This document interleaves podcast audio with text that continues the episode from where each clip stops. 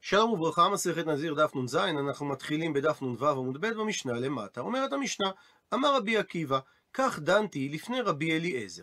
מה אם עצם כשעורה, שאינו מטמא אדם באוהל, ובכל זאת הנזיר מגלח על מגעו ועל מסעו, אז רביעית דם שהוא מטמא אדם באוהל, זאת אומרת שהוא יותר חמור מדין עצם כשעורה, אינו דין שיהא הנזיר מגלח על מגעה ועל מסעה? ומדוע אמרה המשנה שהבאנו בדף נ"ד, שנזיר לא מגלח על רביעית דם מן המת? ומספר רבי עקיבא, אמר לי רבי אליעזר, מה זה עקיבא? אין דנים כאן מקל וחומר. הוא ממשיך רבי עקיבא ומספר, וכשבאתי והרציתי את הדברים בפני רבי יהושע, אמר לי, אמנם יפה אמרת, אלא כן אמרו הלכה. דהיינו שאין דנים קל וחומר מהלכה למשה מסיני. הפכנו דף, ואומרת הגמרא, איבאי עליהו, נשאלה להם השאלה הבאה, למה התכוונו רבי אליעזר ורבי יהושע כשהם אמרו לרבי עקיבא שאין דנים קל וחומר מהלכה למשה מסיני? האם דין עצם כשעורה שנזיר מגלח עליו, הוא נלמד בהלכה למשה מסיני, שהרי הדין הזה לא כתוב במפורש בפסוקים, שכתוב על נפש מת לא יבוא, והמשמעות היא שטומאת אוהל שייכת דווקא במת. ורביעי דם אנחנו רוצים ללמוד מהעצם כשעורה בקל וחומר, ואין דנים קל וחומר מההלכה למשה מסיני. או דילמה או אולי, החומרה שקיימת ברביעי דם היא דבר שנלמד בהלכה למשה מסיני, שהרי בתורה כתוב על כל נפשות מת לא יבוא, ומזה משמע שצריך כמות מינימלית של חצי לוג דם, שהרי נפשות זה לשון רבים, ומיעוט רבים זה שתיים, וזה שיעור דם של שתי נפשות. והלכה למשה מסיני הוא דמטמא באוהל בכמות של רביעי דם. ועצם כשעורה, ממנה אתה בא ללמוד בקל וחומר, שנזיר צריך לגלח גם על רביעי דם, ואין דנים קל וחומר מהלכה למשה מסיני. זאת אומרת, רבי אליעזר ענה לרבי עקיבא, אין דנים כאן קל וחומר. רבי יהושע אמר לו את זה במילים אחרות, כן אמרו הלכה. ויש שתי אפשרויות להבין את הדברים. אפשרות ראשונה, שהדבר המלמד, הדבר הקל יותר, שזאת טומאת עצם כשעורה, היא נלמדה בהלכה למשה מסיני, ולכן לא ניתן ללמוד קל וחומר לרביעי דם באוהל שהיא חמורה ממנה. אפשרות שנייה, שדין קל וחומר נשען על כך שיש דבר שהוא חמור יותר מדבר שהוא קל יותר. ובמקרה שלנו, הנלמד שהוא הדבר החמור יותר, שזה רביעי דם באוהל, החומרה שבו נלמדת בהלכה למשה מסיני. ובמקרה כזה, לא ניתן ללמוד קל וחומר. ועונה הגמרא תשמע, בו שמע, הוכחה מברייתא שגם מובאת במסכת שבת, ושם נאמרו הדברים בשם רבי אליעזר, שעצם כשעורה זו הלכה למשה מסיני, ורביעית דם היא חמורה ממנה, ואנחנו רוצים ללמוד בקל וחומר, שאם נזיר מגלח על מגע או מסע של עצם כשעורה, ודאי שהוא יגלח על רביעית דם שמטמא באוהל, ואין דנים קל וחומר מהלכה. הרי מהברייתא הוכחה חותכת, שדין טומאת עצם כשעורה, היא זו שנלמדה בהלכה למשה מסיני.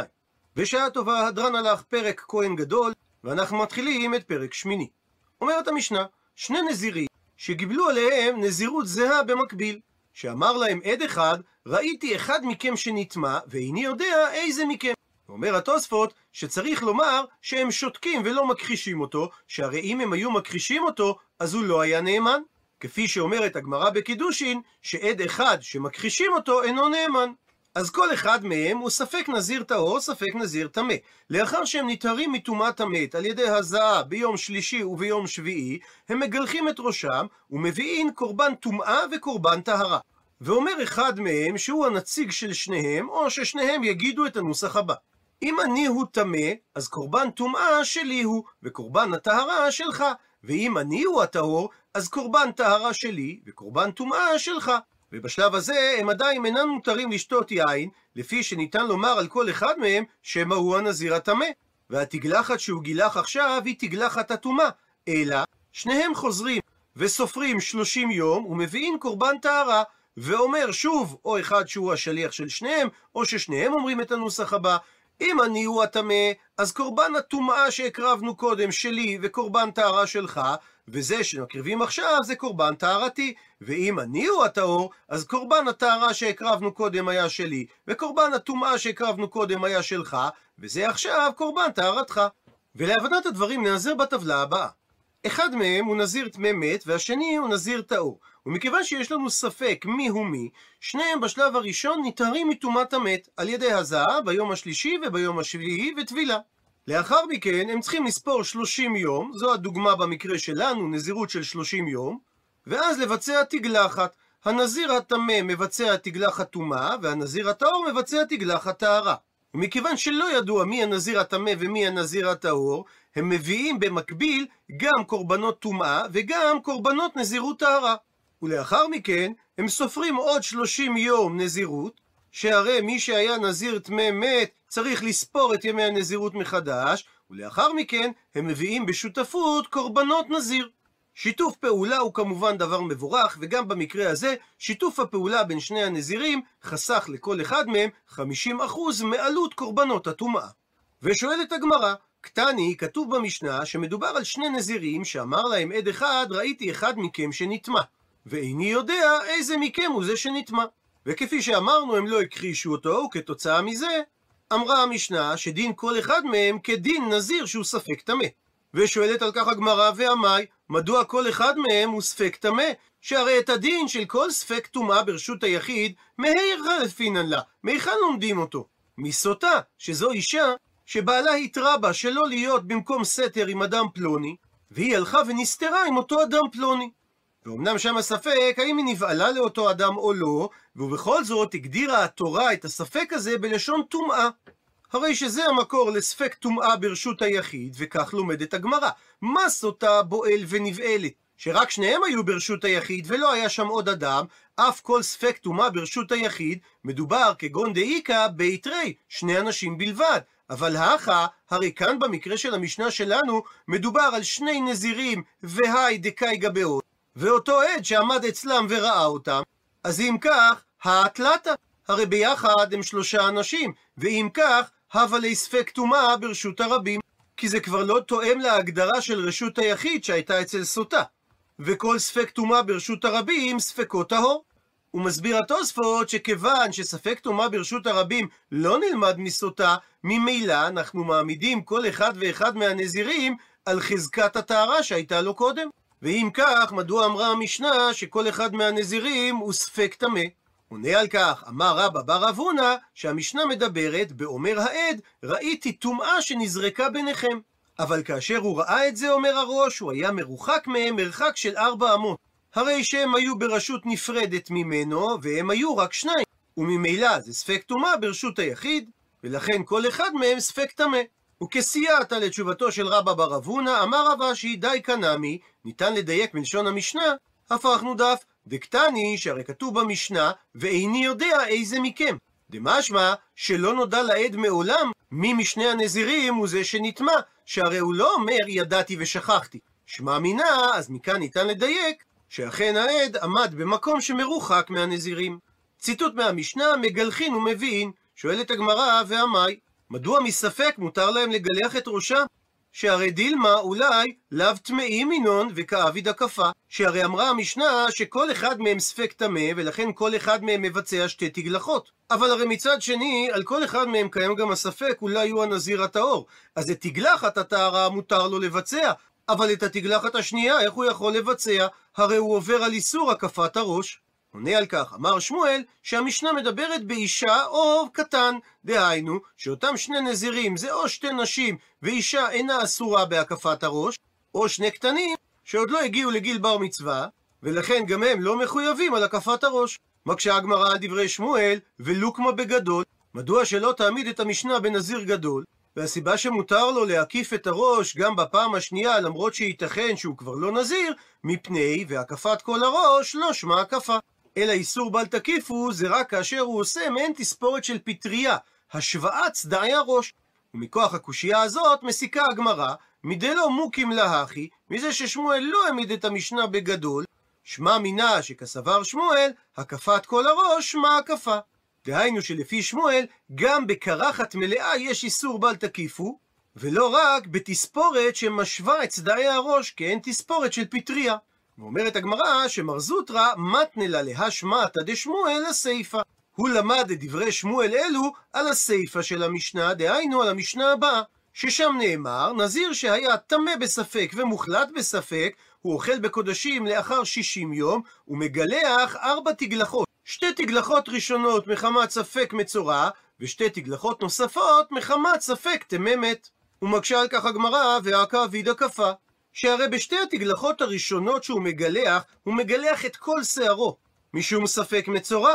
אבל אם הוא לא מצורע, אז הרי הוא עובר על השחטת הזקן. ואם הוא בכלל נזיר טהור, אז מותרת לו רק התגלחת הראשונה, ובשאר התגלחות הוא עובר גם על איסור הקפת הראש. ועל כך אמר שמואל שהמשנה מדברת באישה וקטן. דהיינו שאותו נזיר הוא או נזירה או נזיר קטן לפני גיל בר מצווה, כך שאין את הבעיה לא של השחטת זקן ולא של הקפת הראש. ואגב כך, מביאה הגמרא, אמר רב הונא, שהמקיף את הקטן הרי הוא חייב.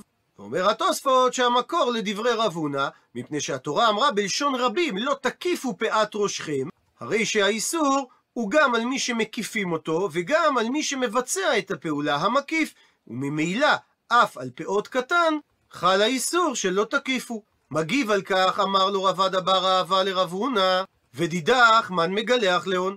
הרי לשיטתך שאמרת שמי שמקיף את הקטן חייב, מי הוא זה שעושה את התספורת לבנים הקטנים שלך, שהיו מגולחים ראשיהם עם פאותיהם? ואומר הראש שכך הם היו רגילים שלא לשייר את הפאות כשהיו מגלחים את ראש הקטנים. אמר לי, ענה לו רב הונא, חובה, שזו היה שם אשתו, היא זו שעושה להם את התספורת, מפני שסבר רב הונא שנשים מותרות להקיף לאחרים, כיוון שאין עליהם איסור הקפת הראש. והגיב על כך רבד אבר אהבה, תקברנון חובה לבני? האם חובה אשתך לא חוששת שהיא עושה איסור, ובעקבות כך היא תיענש שהיא תקבור את בניה? ואומר התוספות שהמשפט הזה היה כשגגה שיוצאת מלפני השליט, ואכן כולו שני בכל השנים דרבד אבר אהבה היה חי, לא היכה ילם זרע לרב הונא. הילדים של חובה ורב הונא לא שרדו, ורק לאחר שרבד אבר אהבה נפטר, זכה רב הונא לזרע של מדייק את הגמרא מהסיפור הזה, מגדי תרוויו סבירה להו, שהקפת כל הראש מה הקפה. הרי שניהם סוברים שהקפת כל הראש נחשבת להקפה אסורה מהתורה, שהרי על שאלתו של רבד אבר אהבה לרב הונא, מי מגלח את הילדים שלך, ענה לו רב הונא שחובה מגלחת אותם. זאת אומרת, שאם איש היה מגלח אותם, סובר רב הונא שהוא היה עובר על בל תקיפו. ומהתגובה של רבדה שאמר חובת הקברינו לבנה, ניתן להבין שגם הוא סבר שהקפת כל הראש היא הקפה אסורה. אז אם כך שואלת הגמרא, במאי כמפלגי? במה הם נחלקו? מסביר המפרש, כלומר, מה גרם לכך שרב הונא שאסר לגדול להקיף את כל הראש, התיר באישה. ומה טעמו של רב עדה שחלק עליו? עונה על כך הגמרא. רב הונא סבר שמה שכתוב בתורה, לא תקיפו פאת ראשכם ולא תשחית את פאת זקניך, סמיכות הדברים באה ללמד שכל שיש לו השחתה, יש לו הקפה. שרק מי ששייך באיסור השחתת פאת הזקן, הוא זה ששייך גם באיסור הקפת פאת הראש. והני נשי, והרי נשים באופן קטגורי, הואיל ולתנו בהשחתה, לתנו נמי בהקפה. כיוון שאין להם זקן, הרי לא שייך לגביהם עליו של השחתה, ואם כך סובר רב הונא, שגם לא שייך לגביהם עליו של הקפת הראש, בין להיות ניקפות, בין להקיף אחרים, כך שאפילו להקיף את ראשו של אדם גדול הם יהיו מותרות. ורבד אבר אהבה לעומת זאת סבר, אחד המקיף ואחד הניקף במשמע. מסביר התוספות שאומנם פשט הפסוק ודאי מכוון לניקף, שאותו הזהירה התורה לא להקיף את ראשו, שהרי כתוב לא תקיפו פאת ראשכם. אבל מזה שנקטה התורה לשון שלא תקיפו, ולא נקטה התורה לשון שלא תוקפו, לומד רבד אבר אהבה שעליו שייך גם על הניקף וגם על המקיף. ואיתקש, כך שיש היקש בפסוק בין המקיף לניקף, ולכן כל היכא דניקף מחייב, מקיף נמי מחייב. כל היכן שהניקף חייב, גם המקיף יהיה חייב. והי קטן, וכאשר מדובר על קטן מתחת לגיל בר מצווה, הואיל והוא גופי לאו ברון נשים מודמחייב, הרי הוא לא חייב, לכן מי שמקיף את ראש הקטן, נמי לא מחייב. גם הוא לא יהיה חייב, וזה לא משנה אם אישה או איש הם אלה שמבצעים את התספורת לאותו קטן. וכדי לחדד את הדברים, נעזר בפירוש קרן אורה של הרב יצחק מיניקובסקי, שכך נכתב עליו בספר כנסת ישראל. הוא היה מגדולי רבני דורנו, מצוין בעומק העיון ובסברה ישרה, מנכבדי קרלין. רוב ימיו עסק במשא ומתן לפרנסת ביתו, ועיקר עסקו היה בתלמוד, והצניע לכת ולא יצא טבעו בעולם. ורק אחרי מות אחיו, הרב רבי יעקב, בעל משכנות יעקב, נתקבל לאב בית דין תחתיו בקרלין, ונהג את קהילתו כמה שנים, ושם נפטר בט' במרחשוון תרי"ב. הוא חיבר את הספר קרן אורה על כמה מסכתות, בעומק העיון ופלפול ישר. וכך מסביר בעל הקרן נורא את נקודת המחלוקת בסוגיה שלנו. רב הונא סובר שאיסור הקפה הוא איסור העומד בפני עצמו, בלי קשר לבן אדם שאותו מקיפים. ולכן הוא הסביר שהתורה לא הקישה בין מקיף לניקף, אלא הקישה בין איסור השחטת הזקן לאיסור הקפת הראש. ולכן אישה שלא שייך בה איסור השחטת הזקן, גם לא שייך בה איסור הקפת הראש. ולכן לפי רב הונא, אישה יכולה לעשות הקפת הראש גם לילד קטן וגם לאדם גדול. רבד אבר אהבה לעומת זאת סבר, שאיסור מקיף אינו לאו העומד בפני עצמו, אלא הוא מוגדר גם על ידי האדם אותו מקיפים. וזו הסיבה שהקישה התורה בין המקיף לניקף, ולפי זה הקפת קטן יכולה להתבצע בין על ידי איש בין על ידי אישה, והקפת גדול אינה יכולה להתבצע לא על ידי איש וגם לא על ידי אישה. עד לכאן דף נ"ז.